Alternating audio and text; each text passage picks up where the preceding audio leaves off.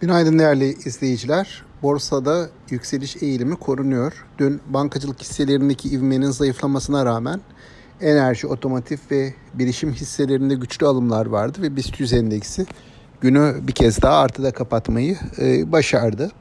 Ayrıca dün e, yurt dışı yerleşiklerin e, verileri de açıklandı. Bu verilere göre 14 ee, Temmuz haftasında 152,5 milyar e, dolar ve son 6 haftada yaklaşık 1,5 e, milyar dolarlık bir yurt dışı yatırımcı girişi söz konusu Borsa İstanbul'a.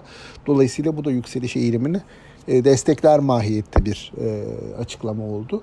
Biz borsa tarafındaki yükseliş eğiliminin korunacağını tahmin ediyoruz. Bugün de pozitif bir açılış bekliyoruz. Sağlıklı, bol ve bereketli kazançlı günler diliyorum.